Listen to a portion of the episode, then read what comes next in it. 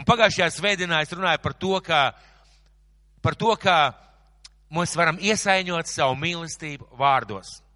Mēs runājam par to, ka svētais gars mūs mudina teikt vienam otru, viens otram labus vārdus, iedrošinošus vārdus, ceļošus, eh, svētījošus vārdus, atrast kaut ko labu tajā cilvēkā izskatā, vai tajā, ko viņš dara, vai tas, tajā, kas viņš ir, paņemt šo labo, ietērpt vārdos un pasniegt cilvēkam kā dāvanu. Mēs runājam par to, ka dabas tēvs mūs aicina teikt komplimentus cilvēkiem tajā labākajā nozīmē. Nevis melojot vai liekuļojot, bet atrast kaut ko un pasniegt kā dāvanu šim cilvēkam un nepārstaukt to darīt. Nepārtraukt to darīt, un ziniet, tas nemaz nav tik vienkārši bet tas sagādā prieku, un tas dara prieku arī otram cilvēkam. Un uh, mēs runājam par to, kādas Jēzus svētais gars un mūsu dabas tēvs vēlās šīs attiecības mūsu starpā. Un es gribētu sākt ar, es gribētu sākt ar Jāņa, ar Jāņa evaņģēlijas 17. nodaļu, 19. 22. pants. Jāņa evaņģēlijas 17. nodaļa, 19. līdz 22. pants. Un tā ir Jēzus pēdējā lūkšana, kad viņš ir, kad Jūdas jau ir aizgājis viņu nodot. Kad viņš palicis kopā ar mācekļiem, viņš ļoti skaidri zina, ka pēc pāris stundām viņš tiks sagūstīts un viņš lūdz par saviem mācekļiem un šo, šo vietu Bībelē sauc par augstā priestara lūkšanu. Un lūk, ko viņš lūdz. Un, mīļie, kāpēc es par to tagad saku? Jo tā ir Kristus sirds. Mēs varam, mums var būt savas domas, savas idejas par attiecībām, vai var, vajag vai nevajag, bet tā ir Kristus sirds. Un skatieties, ko viņš lūdz šajā lūkšanā. Es viņu labā un viņu labā es pats svētījos nāvē, lai arī viņi būtu patiesībā svēti. Bet ne par viņiem vien es lūdzu, bet par tiem, kas caur viņu vārdiem man ticēs. Lai visi ir viens. Itin kā tu tēvs manī, es tevī, lai arī viņi ir mūsos, lai pasauli ticētu, ka tu mani esi sūtījis. Un to skaidrību, ko tu man esi devis, es esmu devis viņiem, lai viņi ir viens, tāpat kā mēs esam viens. Tāpat kā mēs esam viens. Ko nozīmē šie vārdi, kad Jēzus lūdz, lai viņi ir viens? Jā, protams, mēs esam viens visā plašajā pasaulē, ar tiem cilvēkiem, kuri piesauc Jēzu Kristu kā savu kungu. Ja mēs esam garīgi saistīti, Jēzus ir mūsu kungs un mums ir kopējs tēvs un mēs kopā esam vienoti, bet ir kaut kas vairāk par lielo pasaules draudz. Ir kaut kas daudz vairāk un tuvāk nekā cilvēki, kas tic Dievam Āfrikā, Mozambikā, Amerikā vai Ķīnā vai vēl kādā vietā. Jā, mēs esam viens ar viņiem garā. Bet, ziniet, būt vienam, tas nozīmē kopā ar tiem brāļiem, māsām, kas ir tavā draudzē. Un šeit Jēzus lūdza, lai viņi ir viens. Un to mums ir jāierauga, kad mēs domājam par kādām lietām, kas mūs šķir, atšķaida vai kaut kādā veidā mūs at attālina vienu no otru. Tātad būt vienam nozīmē, ka mūsu rokas ir kopā. Būt vienam nozīmē, ka mēs esam tuvu viens otram. Un Jēzus par to lūdz. Un es ticu, ka viņš šodien nebeidz domāt par to. Es nezinu, kā tas notiks, bet es ticu, ka tas var notikt normālā, labā, brīnišķīgā draudzē. Un eh, tālāk ir pirmā Jāņa vēstule, 4. nodaļa, 7. pants. Mēs jau pagājušajā reizē viņu lasījām. Un Jānis, apustulis Jānis šajā 4. nodaļā, viņš raksta tā. Mīļie, mīlēsim citu citu, jo mīlestība ir no Dieva. Un katrs, kas mīl, ir no Dieva dzimis un atzīst Dievu. Skatieties, kā Jānis sāk. Mīļie, mīlēsim viens otru jo mīlestība ir no Dieva, un katrs, kas mīl, ir no Dieva dzimis un atzīst Dievu. Un mums ir jāgrib veidot šīs attiecības. Mums ir jāgrib mīlēt cilvēku. Mums ir jāgrib svētīt ar vārdiem un ar darbiem cilvēkus. Tā ir Dieva sirds. Tā ir Kristus sirds. Un, protams, es arī pagājušajā reizē teicu, ka ir iespējama tā saucamā augstā, augstā jeb vēsā, jeb pārgrībā mīlestība. Brāl, Es tev tur pēdējā rindā mīlu tevi, lai Dievs tevi svētī. Pēdējo reizi redzēju pagājušajā mēnesī. Bet es tevi ļoti mīlu. Vai tā ir mīlestība? Mēs zinām, ka tā nav mīlestība. Mēs zinām, ka tā ir tikai forma, vārdi vai vienkārši izteiksme. Un, ziniet, bieži vien, kad mēs kā savās ģimenēs kādreiz, vai kāds man, kāds man brālis teica, viņš teica, zini, savai sievai, šādi tāds saku, tu man esi ļoti svarīgi, tu man esi ļoti nozīmīgi, tu esi man ļoti vērtīgi priekš manis. Un sieva tā skatās, viņa saka, Jā, jā, jā. tie ir tikai vārdi, kad es to ieraudzīšu dzīvē. Un mums ir jāredz dzīvē, un Dievs vēlās, lai mēs veidojam šīs attiecības. Bet, ziniet, ir diena, ir gaisma, ir Kristus mīlestība, bet ir arī nakts un ir arī tumsa. Ir nakts un ir tumsa. Un, uh, lai mēs gribētu dienu, lai mēs saprastu, kā, cik mums ļoti jātiecās pēc šīs gaismas, un ir jāsaprot, kas notiek naktī un tumsā. Un tāpēc šodien es dalīšos ar vārdu, kas saucās nodzēs kritikas uguni. Mēs runājam, ka mums ir jāsaka labi vārdi, bet pretējais tam ir kritika, ko mēs reizēm viens otram izsakam vai viens par otru izsakam. Un vārds saucās nodzēs kritikas uguni. Un uh, ir pozitīvais, ir svētītais, dievbijīgais, mīļpilnais, mīlestības pilnais. Tas ir attiecības, kas ceļ, kas dziedina, kas stiprina, un tas bieži vien iet caur vārdiem, kurus mēs sakam cilvēkiem. Iet caur vārdiem, mēs sakam cilvēkiem, bet mēdz arī būt kā kriticisms, negatīvisms, aizdomas, tiesāšanas pilnas attiecības, un arī tas iet caur vārdiem. Un tas arī iet caur vārdiem. Vienu šo pašu lietu var lietot dažādās nozīmēs, un tas arī iet caur vārdiem. Kāpēc mums par to jārunā, kad mēs domājam par šīm labajām attiecībām, ko mums vajadzētu veidot, ko mums vajadzētu attīstīt? Kāpēc par to būtu jārunā, kad mēs domājam par labiem vārdiem, labām vietām? Pirmām kārtām tāpēc, ka Jēzus pats teica, jums ir ienaidnieks. Jūs neesat viena paša šīs zemes, ir kāda personība, kas ir jūsu ienaidnieks, un šis ienaidnieks ir ienaidnieks arī jūsu attiecībām jūsu attiecībām ar cilvēkiem, un šis ienaidnieks, mēs zinām, ir vēlns. Un, ziniet, vēlna definīcija ir kāda, viņš ir nācis nozagt, nolaupīt, nokaut, nogalināt. Tas ir tas, ko viņš nācis darīt, un viņš pēc dabas tāds ir. Un Bībele mācā par to, ka mums vajag pazīt viņa darbus, ka mums vajag spēt atmaskot viņa raksturu sevī un varbūt kā šajā pasaulē, un kā Bībelē mums māca, kā nepieļaut viņa darbību mūsu dzīvē un kā nepieļaut, ka viņš darbojās ar mūsu dzīves lietām, ar mūsu attiecībām. Sakiet, kas visvairāk šķeļ draudzes? Kas visvairāk šķeļ draudzes? Padomāsim tā loģiski. Es varbūt nejautāšu atbildi, mēs varam ieraudzīt, ka tieši kritizēšana tieši tiesāšana, tieši aprunāšana, tieši šis te kritiskais skatījums, kad uh, mēs viens otram un viens par otru sakam negatīvas lietas. Tas visvairāk šķeļ draudz. Un tajā vietā darbojās vēlns. Tajā dienā vietā darbojas jauns. Un kāpēc mēs par šodienu to runājam? Lai mēs atpazīstu vēlna darbus un lai uh, izskaustu kriticismu un tiesāšanu un uh, lai mēs tiešām būtu vēl vairāk mīlestības pilni, svētījoši, labus vārdus sakoši draudz. Paldies Dievam par tām labajām lietām, kas ir. Bet, mīļie draugi, ir kaut kas tāds, no kā mums noteikti vēl vajadzētu tikt vaļā un no kā mums vajag tikt vaļā. No kā mums vajag tikt vaļā. Vai tu gribi, eh, gribi turpināt dzert? Jā, es gribu turpināt dzert. Tad dzer. Vai tu gribi tikt, tikt vaļā no dzeršanas? Jā, es gribu tikt vaļā no dzeršanas. Es lūkšu par tevi, lūksim, lai svētais gars palīdz. Redziet, šāda nians arī ar šīm te mēles lietām, ar mēles lietām. Lai mēs būtu pozitīvismā, tāda svētījoša draudze, labu vārdu draudze, un debes tēvs mūs uz to tiešām aicina. Un es gribu mūs vest uz Efezē, vēstules efeziešiem, ceturtās nodaļas, vēstuli efeziešiem, ceturtā nodaļa, 21. 31. ceturtā nodaļa, tātad vēstuli efeziešiem, ceturtā nodaļa, no 21. līdz 30. pantam. Vēstule Efeziešiem 4. nodaļa 21. līdz 31. pants. Es atvainojos, ir kāda kļūda. Uh, 29. pants. Pāvila vēstule Efeziešiem 4. nodaļa 29. pants. Bet laikam sāksim tomēr no 21. 29. ir galvenais, bet sāksim no 21. Turpretī jums par viņu ir stāstīts un mācīts tā, kā tas ir patiesi Jēzus garā.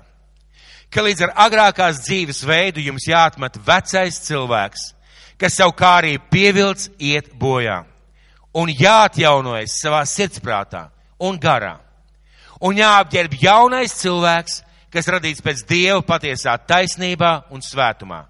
Tāpēc, iet runa par vecā cilvēka novilkšanu un jaunā cilvēka apvilkšanu, izklausās ārkārtīgi garīgi. Es šodien atmetu veco cilvēku un uzvilku jauno cilvēku. Nu un tad? Kas tavā dzīvē mainījās? Ko tu dari savādāk? Un lūk, šeit tālāk ir rakstīts 25. pants. Tāpēc, ja jūs atvēlkat jauno cilvēku, tāpēc atmetiet melus un runājiet patiesību ik viens ar savu tuvāko, jo mēs savā starpā esam brāļi. Dusmās neapgrākojieties, lai saule nenoriet jums dusmojoties, un nedodiet vietu vēlnam, kas zādzis, lai vairs nezog, bet lai labāk cenšas sev sagādāt godīgi iztiku ar savu roku darbu, lai būtu ko dot tam, kam ir trūkums. No jūsu mutes, lai nenāk neviens nekrietns vārds, bet tikai krietnas runas, kas draudz ceļ un nes svētību klausītājiem. Dzirdēta vieta, pareizi? Dzirdēta vieta. Es gribu parādīt kādu interesantu, uh, nevis sagadīšanos, es ticu, ka svētais gars to tā speciāli sauc. Skatieties. Vispirms tiek teikts, nedodiet vietu vēlnam. Vai tas ir nopietni? Tas ir ļoti nopietni, pareizi? Uzreiz pēc tam tiek teikts, ka zadzis, lai vairs nezog. Vai tas ir nopietns grēks? Tas ir nopietns grēks, pareizi? Un uzreiz pēc tam nekrietni vārdi. Vai tad var salīdzināt, ka es māsu pakritizēju ar zakšanu? Nu, nevar taču būt. Es taču neko neesmu nozadzis. Nē, tu nozadzi. Nozagi godu, cieņu, labo slavu, tu nolaupīji. Tu devi vietu vēlnam. Un tūlīt pēc tam ir teikts, nebēdniet svēto garu. Es domāju, ka mēs neviens negribam apbēdināt svēto garu pareizi. Bet šīs lietas stāv pilnīgi blakus. Zakšana, melošana, un vārdi, ko mēs sakam par cilvēkiem. No jūsu mutes, lai nenāk neviens nekriens vārds, bet tikai krietnas runas, kas draudz ceļ un nes svētību kārtību, klausītājiem.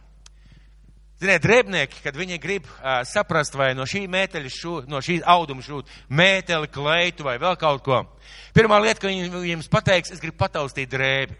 Es gribu pataustīt, kāds tas audums, vai viņš būs labs, jo tu tāpat varbūt nevar redzēt, ir jāpataust, vai ne? Un lai saprastu, kurš ko dara vai kā kurš ko dara, paskatīsimies no kurienes un kad sākās pozitīvisms, labi vārdi, labi vērtējumi, un no kurienes un kad sākās kriticisms, kritika, aprunāšana un tiesāšana. Ļoti labi ieraudzīt, kas ir sākuma avots. Kas ir sākuma avots šīm lietām? Un pirmā mūzes grāmata, šķiram vaļā pirmo mūzes grāmatu, pirmo nodaļu, un uh, pirmā mūzes grāmata, pirmā nodaļa sāks ar stāstu, kā Dievs radīja zemi. Es laikam nestāstīšu visu stāstu no paša sākuma, Bet pabeigsim ar pēdējiem pantiem vārds, kaut, ka Dievs rada demi, zemi, debesis un uh, zvērus un dzīvniekus un putnus un viss, kas ir gaisā un augus. Beigās viņš izveido cilvēku, beigās viņš izveido cilvēku un skatieties, trīs pirmais pants. Un Dievs pārbaudīja visu, ko viņš bija darījis. Un lūk, viss bija ļoti labs. Un tāpēc vakars un rīts, sestā diena. Mēnesis Es speciāli izvēlējos piemēru, kas nav mainījies gadu tūkstošos. Jo es būtu izvēlējies kādu ziloni, mamutu, kāds teiktu, nē, nē, nē, Jāni, mamuts sākumā nebija. Bībelē mamuts nav pieminēts, mēnesis bija uzreiz pareizi. Mēnesis. Mēs visi varam ieraudzīt mēnesi. Dievs rada mēnesi. Un tagad skatieties, Dievs skatās un atzīst to par labu. Visai labu esam. Viss, ko viņš bija darījis, lūk, viss bija ļoti labs. Vai varētu būt tā, ka es skatos uz mēnesi un saku, jā, Dievs, bet man kaut kā tie krāteri tur tomēr nepatīk. Nē, nē, nē, nav skaists. Un tur kaut kāds vēl tā kā, kāds ūdeni nes uz tā, uz tā mēnesis, var redzēt kaut kāds tā kā nēšus. Nē, kāpēc viņš tāds plankumains? A, kāpēc vispār viņš nav kantains? Man gribētos, ka viņš ir kantains. Dievs, kas tā par lietu tu neradīji kantainu mēnesi? Jo man tā gribējās. Tātad Dievs rada visu, un lūk, viņš dod novērtējumu. Pozitīvi vārdi, viss ir ļoti labs, un viss ir ļoti brīnišķīgs. Dievs tā novērtē. Tātad Dievs ir pirmais, kas dod šo pozitīvismu, labos vārdus, mīlestību pret savu radību. Un lūk, kad tad, tad sākās pirmais pozitīvais, un tas mums ir jāierauga. Kad sākās pirmā kritika? Kad sākās pirmā kritika? Skatieties, pirmā mūzes trešā nodaļa no pirmā līdz piektajam pantam. Cilvēks ir ēdienas dārzā, viss ir kārtībā, viss ir lieliski. Bet lūk, vēlns ir uz šīs zemes, Viņš ir iemiesojies čūskā, mēs tā saprotam, un trešā nodaļa, pirmais pants. Bet čūska bija visviltīgākā no visiem lauku zvēriem, ko Dievs tas kungs bija radījis. Tā teica sievai. Nu ne jau čūska, bet velns čūskā. Un skatieties, pirmā kritika uz pasaules.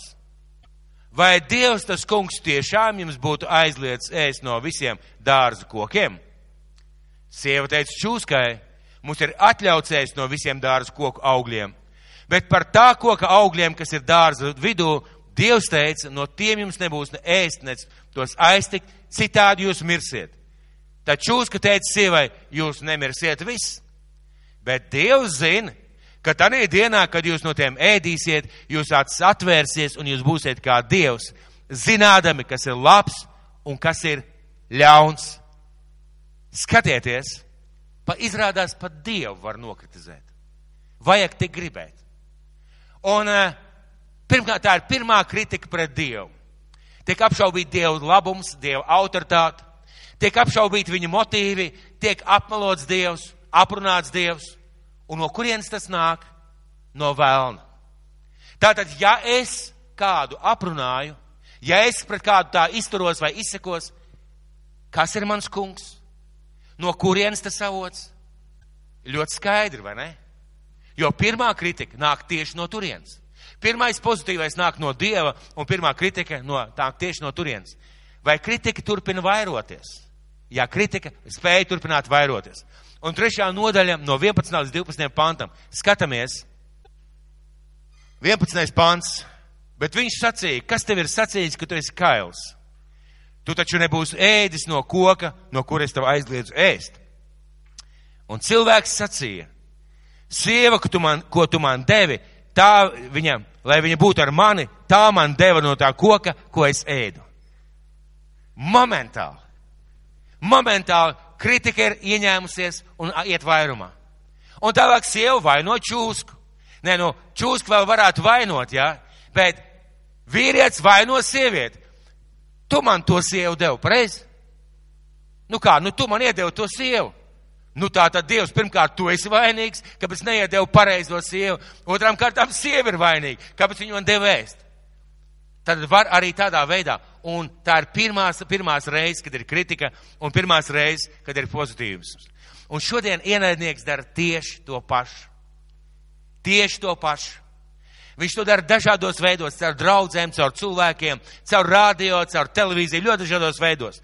Un es gribu, negribu, negribu pat minēt, varbūt televīziju, jo tur parasti tā arī notiek, bet Viņš caur cilvēkiem sēja draudzēs, kriticismu, aprunāšanu, tiesāšanu, apmelošanu, un bieži vien cilvēks stāv uz šīm frāzēm. Viņi ir pārliecināti, ka tā ir labi, ka tā ir pareizi. Es taču par patiesību. Ziniet, par patiesību gāja arī krustneši. Par patiesību gāja arī inkvizīcija. Par patiesību gāja vēl dažādi cilvēki, kas darīja Kristus vārdā kaut kādas lietas, un tur nav Kristus gara. Tur nav Kristus gara. Kādā veidā tas notiek? Kādā veidā mūsu mēlē vai kāds ar mums vēlns var sēt šīs lietas? Kādā veidā tas notiek? Kriticisms, aprunāšana, tiesāšana, apmelošana. Jēkaba vēstule. Es domāju, ka daudziem jau ir tāda zināma vieta. Tātad Jēkaba vēstule, trešā nodaļa. Jēkaba vēstule, trešā nodaļa. Sāksim no otrā panta.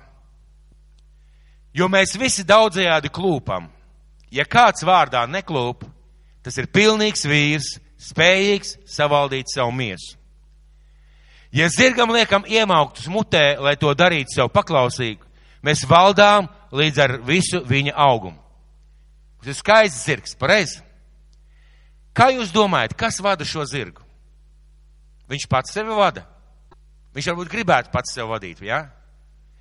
Bet ir šie te iemaukti, ir šie laužņi mutē, un šī, šī vadītāja, šī, te, šī te jātniece, viņa vada šo zirgu. Un Pāvils dod, Jēkabs dod tādu brīnišķīgu piemēru ar šo vietu. Lūk, arī laivas, lai gan tās ir tik lielas un skarbi vēji tās mētā, jo stīka stūra tās vada, kurp tiecās vadītājs. Mums ir laiva, bet šoreiz bez stūrmaņa. Bet tas kā līdzīgi. Un skatieties, atcerieties, kurp tiecās vadītājs. Pieminiet šos vārdus. Un Jēkabs saka, lūk, arī laivas lielas, vēja mētā, šīs laivas spēj stāvēt eh, bangainā jūrā, bet sīka stūre ved šo laivu uz turieni, uz kurieni grib vadītājs. Tas, kas vada šo laivu. Un tālāk, viss ir par to, šie piemēri pirms tam, lai sagatavotu piekto pantu. Tāpat arī mēle ir mazs loceklis un veids lielas lietas redzi, kāda maza uguns iededzina kādu lielu mežu. Skatieties! Un sākās no kā? Iespējams no vienas dzirkstevas. Iespējams no viena izsmēķa, iespējams no kaut kādas lauskas, kas eh, saulē nostaroja un aizdedzināja šo zāli. Un Jēkabs saka, jūsu mēlē veids lielas lietas. Viņi var veikt labas lietas un veikt sliktas lietas. Un tā viņš saka, redz kāda maza uguns iededzina kādu lielu mežu. Iededzina kādu lielu mežu. Un ziniet, kas pirmām kārtām, kad cilvēks dara nepareizi ar savu mēli, mežs iedegās pirmām kārtām sevī iekšā. Tev nav miera. Tev nav klusuma, tev nav dieva klātbūtnes. Pirmām kārtām teva iekšiena pārvēršas par izdegušu eh, mežu kur vairs nav dzīvības. Ja cilvēks sēja ar savu mēlu, pirmām kārtām izdeg tava dzīve. Un bieži cilvēki to nenovērtē. Otrām kārtām izdeg citu cilvēku dzīves. Jo, ja tu palaidi vaļā kādas lietas, viņas tā vienkārši neapstājās. Tā uguns aiziet un bieži vien sadedzina citu cilvēku dzīvi, ievaino cilvēku, aizskar cilvēku, saboja, pasapos cilvēku dzīvi. Tas bieži vien tādā veidā arī notiek. Un tālāk, sestais pants. Un uguns ir arī mēla kā nestaisnības pasaule mēlē, ir nolikts starp mūsu locekļiem, tā apgāna visu augumu, aizdedzina mūžu ritumu, pati būdama elles aizdedzināta. Skatieties, Jēkabs saka, ka mēlē var būt elles aizdedzināta. Nē, dabas tēvs, es vienkārši paspriedu par brāļiem, par māsām, parunāju par draudzi, nu vai tas kaut kas nopietns? Un izrādās, ka mēlē var būt elles aizdedzināta. Un tagad skatieties, kad eh, Jēkabs runāja par šo laivu, viņš teica, ka sīka stūre ved laivu uz turieni, kur vēlās vadītājs. Ja es kaut ko tādu runāju, tad mani kāds vada. Un uzmaniet, kā viņu sauc. Tad mani kāds vada. Tas vairs neesmu es pats vienkārši, nu es tā parunāju, es tā pakritizēju. Kāds mani vada. Un ziniet, Ļoti bieži vien ir tā, ka mums varbūt liekas kaut kas mazsvarīgs vai nesvarīgs, vai, nu, varbūt tā vai šitā, dažādi varam paspriest. Bet ja tev kļūs skaidrs, ka tu vari iedot vēlnam tādu autoritāti, ka vēlns vada tavu mēli, ka caur tevi tiek izdedzināts vesels mešs, sabojāt tavu dzīvi, ir ļoti nopietni jāpadomā, vai ir vērts kritizēt, vai ir vērts tiesāt, vai ir vērts nosodīt, ir ļoti nopietni jāpadomā. Kā izpaužas? Lasīsim tālāk. Septītais pants. Jo katras sugas zvēru un putnu rāpuļu jūras dzīvnieku dabu savalda un ir savaldījusi cilvēka daba. Bet mēli neviens cilvēks nevar savaldīt, nemitīgs ļaunums, pilns nāvīgas indas. Nu, Rejāne, es jau zināju, Dievs saka, ka mēli nevar savaldīt. Nu, ja, ja Dievs saka, kā es savu mēli savaldīšu? Nu, ja Dievs saka, ka mēli nevar savaldīt, tad ko tad mēs vispār te pārdzīvojam? Nu, tad vienkārši dzīvojam, kā mums sanāk, tā mums sanāk. Bībele saka, neviens cilvēks nevar mēli savaldīt, bet svētais gars var. Dievs var. Kristus var tavu mēli savaldīt. Ja tu atdod Kristum savu mēli, ja tu atdod savu, savus vārdus Kristum un uh, tieši tā arī skaties, ka tu runā Kristus priekšā vārdus, Dievs var tavu mēli savaldīt. Un to mēs redzam Bībelē, to mēs varam redzēt savā dzīvē. Mēs pagājušajā svētdienā runājam par labiem vārdiem. Un iedomājieties, cik brīnišķīgi, ka tu vari teikt cilvēkam labus vārdus. Ieraudzīt kaut ko cēlu, patīkamu, svētīgu viņam un pateikt viņam. Un tas ir vieno, viennozīmīgi no Dieva, ja tie, protams, nav meli. Bet tu vari pateikt arī tā, ka vēlns tavu mēli lieto. Ka vēlns paņem tavu mēli, tas nozīmē, ka Dievs var, cilvēki nevar. Un kā izpaužas nesavaldīta mēli? Kā izpauž nesavaldīt mēli? Devītais pants. Ar viņu mēs slavējam to kungu un tēvu. Aleluja! un ar viņu mēs lādām cilvēkus pēc Dieva līdzības radītus. No tās pašas mutes iziet svētība un lāsts. Tam, mani brāļi, nebūs tā notikt. Šie nākušie panti ļoti skaidri parāda, ka Jēkabs saka, tas tā nedrīkst notikt. Ka nedrīkst notikt, ka tava mēle ir kriticisma, notiesāšanas un sodīšanas pilna. Kāpēc es par to runāju? Ne tāpēc, ka mēs esam vissliktākā kritizējušā draudz. Ne tāpēc, nemīļie, mēs esam laba, brīnišķīga, dievbijīga un svētīta draudz. Bet pilnīgi noteikti ir lietas, ko mums arī no savu vidus vajag izskaust. Kā praktiski izskatās šie vārdi, šī nesavaldītā mēle? Devītais pants. Tātad ar viņu mēs slavējam to kungu, tēvu, tātad tādā veidā izpaužas. Ar viņu mēs lādām cilvēks pēc Dieva tēla līdzības radīts. Desmitais. No tās pašas mums iziet svētība, un no tās pašas mucas iet lāsts. Tā, mani brāļi, nebūs tā notikt. Vai arī avots izver no viena mutes saldu un rūktu? Vai mani brāļi vīģis koks var nest eļas, koka augus un vīna koka vīģis? Tāpat arī sāļš avots nevar dot saldu ūdeni. Lai mums būtu salds ūdens no mūsu lūpām, ir jāizmaina avots. Ir jāizmaina avots, no kurienes mēs dzeram ir jāizmaina avots, kā mēs skatāmies uz lietām. Un tad no mūsu lūpām nāks saldi, patīkami, dievbijīgi un svētīti vārdi. Kā tas izskatās praktiski? Jo, ziniet, man patīk līdzības. Jēzus daudz stāstīja līdzībās. Un es jums gribu parādīt kādu līdzību. Ilgi domāju, mēģināju saprast, bet, manuprāt, viņa ļoti labi parādīs to, kas notiek ar mūsu vārdiem ļoti labi parādīs par to, kā, kā mūsu vārdi iedarbojas uz cilvēkiem. Tā ir sarkanā bieta. Un man, piemēram, Žanī Bērziņā liekas kaut kas dīvains. Es skatos uz viņu, nē, nē, nē, nē. kaut kas nav labi. Un es sāku sevi muļāt Žaņa Bērziņa vārdu, pārdomāt par viņu. Un tad es aizēju pie māsas Noras un saku, zina māsa, aizlūksim par Žana Bērziņu. Man liekas, ka viņš nav tāds īsti labs. Šeit paņem, par, par, parunāsim par Žanu Bērziņu. Nora tausta Žana Bērziņu, tausta Žana Bērziņu, tausta Žana Bērziņu. Un tālāk iet pie māsas Anitas. Jo viņai sāp sirds par Žana Bērziņu. Jā, tā lieta ir jāpārunā. Visiem jāpārunā, lai visi zina taisnību. Jā. Nē, nē, tālāk, tālāk vairs nedosim, jā? Tālāk nedosim. Un skatieties, skatieties, kas notika. Skatieties, kas notika. Mums rokas nokrāsojās, pareizi? Ko mēs izdarījām? Mēs parunājām par Žanu Bērziņu. Un mēs savu dvēseli, savu sirdi, savu sirds, viņu sasmērējām. Es tālāk iedevu norai, noriņu parāda savu roku. Nu, ar noriņu notika tieši tas pats. Tālāk noriedevu Anitai. Ar Anitu notika tieši tas pats. Tas notiek ar mūsu vārdiem, praktiskā veidā. Un, ziniet, kas notiek? Mēs esam nosmērējušies. Mums likās, ka mēs vienkārši parunājām, bet mēs esam nosmērējušies savu dzīvi, un Dievs redz šito pleķi. Dievs to skaidri redz, un tad ir kaut kas vajadzīgs. Ziniet, kas vajadzīgs? Grēku nožēla. Lūk, Dievam piedošana, un lai debes tēvs nomazgā mūsu grēkus. Un ziniet, kas man tad ir jādara pēc tam?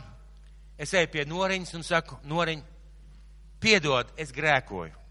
Es stāstīju tev par Žanu Bērziņu, es grēkoju pret viņu un grēkoju pret Noru. Noriņ iet tālāk pie Anitas un saka, piedod, es grēkoju pret Žanu Bērziņu un grēkoju pret tevi. Kurā mirklī tas būtu apstājies, kā jūs domājat? Kurā mirklī tas būtu apstājies? Tad, kad es domāju par Žanu Bērziņu, gribēju dot norē un noteikt Jēzus Kristus vārdā. Šito mēs nedarīsim. Tev kaut kas pret Žana Bērziņu?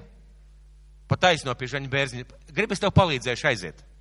Un ziniet, kas ir? Parasti cilvēki nekur neiet. Viņiem gribās vienkārši runāt, bet nekur negribās doties. Un tad, kas ir vajadzīgs? Ir vajadzīgs Kristus asins, grēku nožēla, lai mūsu grēku tiktu piedot. Vai man ir taisnība? Vai man ir taisnība? Un tie ir vārdi bet mēs ar šiem vārdiem varam sastrādāt vienkārši fantastiskas lietas. Un, uh, lai tā nenotiktu, ir jāizmaina avots, kā mēs skatāmies uz lietām, un avots kā mēs darām.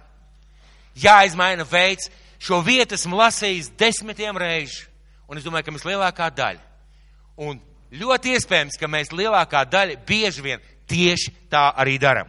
Un tad parādās jautājums, vai tad kritika vispār kristīgās draudzēs nedrīkst būt kristiešu starpā, vispār neko nevajag kritizēt, neko nevajag apspriest, vai vispār nedrīkst teikt neko kritisku? Var. Bet kritikai jābūt ar mīlestību un konstruktīvai ar pamācību un ar veidu, jeb mērķi, kā iziet no šīs situācijas. Kā tikt ārā no šīs situācijas, tas nozīmē, ka es varu teikt kaut kādas lietas, ko vajag mainīt, bet teikt tam cilvēkam, kurš par to ir atbildīgs, un ziniet, ja man nepatīk kaut kas Žanī Bērziņā, man noteikti vajadzēja aiziet vispirms pie Žaņa Bērziņa, pareizi? Parunāt ar viņu, varbūt viņš man paskaidrot, varbūt viņš teikt, jā, zini, jā, tev ir taisnība, laikam tomēr to rozā kaklasaiti nevajag vilkt. Nu, un zeltains kurpes arī varbūt komplektā nevajag. Nu, izskatās tā diezgan jocīgi. Bet es aizgāju pie kāda cita, un rezultāts ir pavisam cits.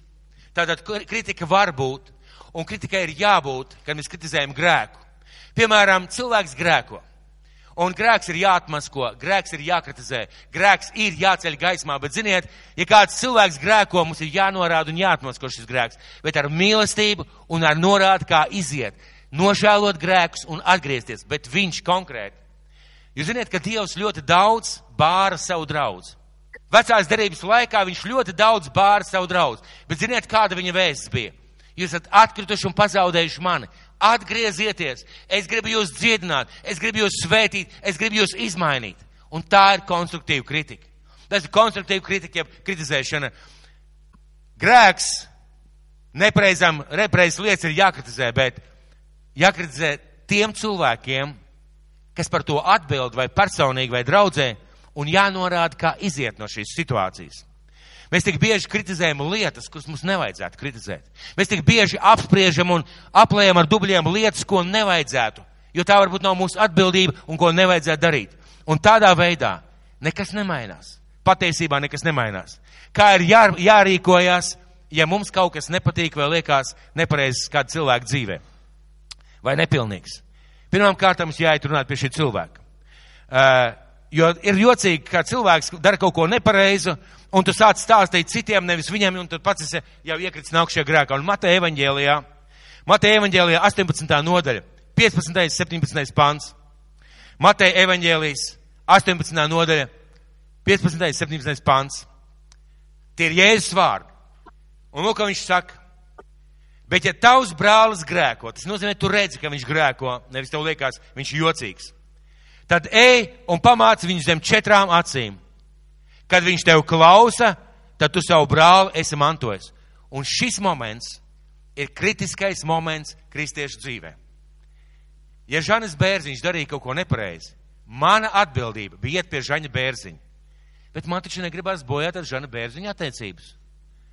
Mēs ar Žanu Bērziņu nākošu sestdienu taisamies doties uz pirti. Nu kādā sakarībā? Es negribu bojāt attiecības, es gribu būt dievbijīgs, es gribu mieru. Es eju pie Noras, saka, Noriņa, lūksim par Žanu Bērziņu. Noriņa tālāk Anitai, Anitai Gaidai un visa draudze, un Žanas Bērziņa ienāks draudzē, un visa draudze, op, reku viņš ienāca. Kurā mirklī tam vajadzēja mainīties? Kad Žanas Bērziņš darīja nepareizi, mana atbildība iet pie Žaņa Bērziņa. Piedodiet, kas lietoju šo cilvēku. Ja man klausās kāds Žanas Bērziņš, piedodiet, tas nav par jums. Tātad, ej, ja, kad viņš tevi klausa, tad tu savu brāli esi mantojis. Un ja viņš neklausa, tad pieeicina vēl vienu vai divus, vai, vai, vai, no divus vai trīs, vai no divu vai trīs liecinieku mutes, kad vārds tiek apstiprināts. Ja viņš tevi neklausa, tu esi runājis, viņš tevi neklausa. Ej, paņem vienu vai divus cilvēkus, kam tu vari uzticēties, ejiet, runājiet. Ja viņš viņus klausa, jūs viņus esat mantojuši, nevis aplējuši ar dubļiem. Ja viņš jūs neklausa, ja viņš jūs neklausa, bet ja viņš tiem neklausa, tad saki to draudzē, bet ja viņš neklausa arī draudzē, tad tur viņu par pagānu un muitnieku. Ko tas nozīmē? Mēs runājam divi vai trīs, viņš mūs neklausa. Mēs sakam draudzē, tas ir draudzes vadībai, kādiem diekoniem, vadītājiem. Mēs ejam runājam ar šo cilvēku. Ja viņš neklausa šo cilvēku grupu, Bībele saka, tur ir par muitnieku un grēcinieku, ja par neticīgu cilvēku. Bet tāds ir pareizais veids, kā Dievs māca mums parādīt kritiku. Vai kurā vietā mēs šeit varam ieraudzīt neapvaldītu mēli? Vai šajos jēzus vārdos mēs kaut kur varam ieraudzīt neapvaldītu mēli, kas izdedzina lielu ugunsgrēku? Mēs nevaram to ieraudzīt, jo tā nav. Tas ir pareizs Dieva princips, kādā veidā mums jārunā par, pritiku, par kritiku. Ko darīt, kad, kad tu esi kritizējis, runājis, nepareizs lietas sējis? Ko darīt? Man ļoti patīk kāds brālis sen, sen atpakaļ. Uh, dzirdēju no viņa tādu vārdu, kāds, kāds tur bija par runājis, viņa draudzē un stāstījis, un kāds tur bija šausminājies, kāds tur bija lūdzis par šo brāli. Un pēc tam izrādījās, ka tas viss ir muļķības, tas viss ir nieki. Un tas cilvēks, kas to bija palaidis, viņš nāk pie šī brāļa un saka, brāl, piedod, saproti, sagrēkoju pret tevi. Nu, nu, nu stāstīju tam un stāstīju tam un stāstīju tam, nu piedod. Un šis brālis, gudrs būdams, viņš saka, zini ko? Zini, kā to lietu var izbeigt? Nu kā, es tev palūdzu piedošanu. Nē, nē, nē, lieta nav izbeigta. Aizēj pie visiem, kam tu stāstīji, pie visiem, kam tu dalījies ar mani, un pasaki, ka tu samaloji, ka tu nožēlo un ka lūdzu piedošanu, ka tu viņu sasmērēji. Un viņi savukārt, lai iet tālāk. Vai tas nav pareizs veids? Vai tas nav tas, kā šīs lietas vajadzētu kārtot? Tieši tā vajadzētu kārtot. Un tad, es domāju, mēs būtu ļoti uzmanīgi ar kritiku un ar negatīviem vārdiem. Un kāds teiks, ziniet, nu man tā sanāk. Es domāju, ka tā vajadzētu, bet, ziniet, nu man kaut kā nesanāk. Tad ļoti vienkārši jautājums. Kas ir tavā sirdī? Jo Bībele saka, ka no sirds pilnības runā. Tas nozīmē, ka, ja tādā veidā rīkojies, tava sirds ir pilna ar indi, negatīvām lietām. Vēlns sēž uz tavas sirds un vada tevi, kā viņš grib par šo dzīvi, un tu ļaujies viņam. Un Bībele, saka, lai tā nenotiek. Lai tā nenotiek. Kā izskaust šo te kriticismu? Saproti, ka tas ir nepareizi, nožēlo, lūdzu, lai Dievs maina sirdi, lūdzu piedošanu un aizēj atvainojies tiem cilvēkiem, kam tu kaut ko izstāstīji, kaut ko pateici vai nokritizēji. Kā šo, kā, kā izskaust šo kriticismu? Pirmām kārtām jāierauga. Kā Dievs skatās uz to cilvēku, par kur tu taisījies runāt un stāstīt. Kā Dievs uz viņu skatās? Un Bībele saka, ka Dievs mīl pat grēcinieku. Dievs ienīst grēku, bet viņš mīl to cilvēku. Un ļoti bieži mēs stāstām par cilvēku, pat ne par viņa grēku. Mēs stāstām par cilvēku, kāds viņš ir, uztaisam gala lēmumu, nomelnojam un aplējam ar dubļiem. Dievs skatās šo cilvēku ar joprojām ar mīlestību. Un zini, Kristus par šo cilvēku ir nomiris. Jēzus ir samaksājis ar savām dārgajām asinīm par šo cilvēku. Kas tu esi tāds, ka tu vari tādā veidā rīkoties? Otrā lieta, ja mēs runājam par draudz, padomāsim, kā Dievs skatās uz Kristus līgavu, uz draudz, kā uz līgavu. Un esmu pilnīgi pārliecināts, ka Dievam ir ļoti sāpīgi. Kristum ļoti sāpīgi, ja, ja es eju pie Žaņa Bērziņa un saku, zini, Mūsu draudzē nav tas, nav tas un nav šitas un, un nav tas un šitas un tas. Mums paliek slikti. Draudzē paliek sliktāk. Un Jēzum paliek sliktāk. Un to mēs iesējam ar saviem vārdiem. Kā mēs varam izskaust kriticismu? Tad ieraugiet, kā Dievs skatās uz cilvēkiem, ieraugiet, kā Dievs skatās uz līga, uz, uz līga, uz savu draugu. Un jāsaprot, ka tas ir ienaidnieks, kurš grib, un mēs nedrīkstam ļaut viņam lietot sevi. Vēl pret sliktām lietām ļoti labi cīnīties ir ar, ar labām lietām. Meklēt labo, meklēt pozitīvo tajā cilvēkā, draudzē, izcelt to, par to domāt, par to runāt, to svētīt, un kas ir jāmaina, to konstruktīvi ņemt un mainīt. Kas ir jāuzrāda, to konstruktīvi ņemt un, ņemt un izmainīt. Un man ir vēl kāda līdzība. Es domāju, ka neviens no mums, kas šeit sēžat, jā, ja, Tā kā mums bija roka ar bietu nosmērēta. Kurš gribētu ar mums sasveicināties? Indra Margāla negribētu gan. Māsiņa, nu bet, nu, bet mēs taču vienā draudzē, nu, es tev stiepi roku, ko tu darīsi, liks roku aiz muguras. Neviens negribētu sasveicināties. Bet ir tāda lieta kā patīkamā smarža. Un tie ir labie vārdi. Un ziniet, ja es, piemēram, izdaru tādu lietu,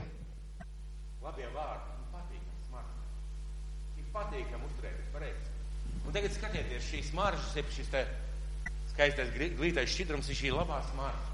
Labie vārdi, pozitīvās lietas. Es ar noru padalos ar pozitīvām lietām. Var iedot uz roku. Tā. Vīti?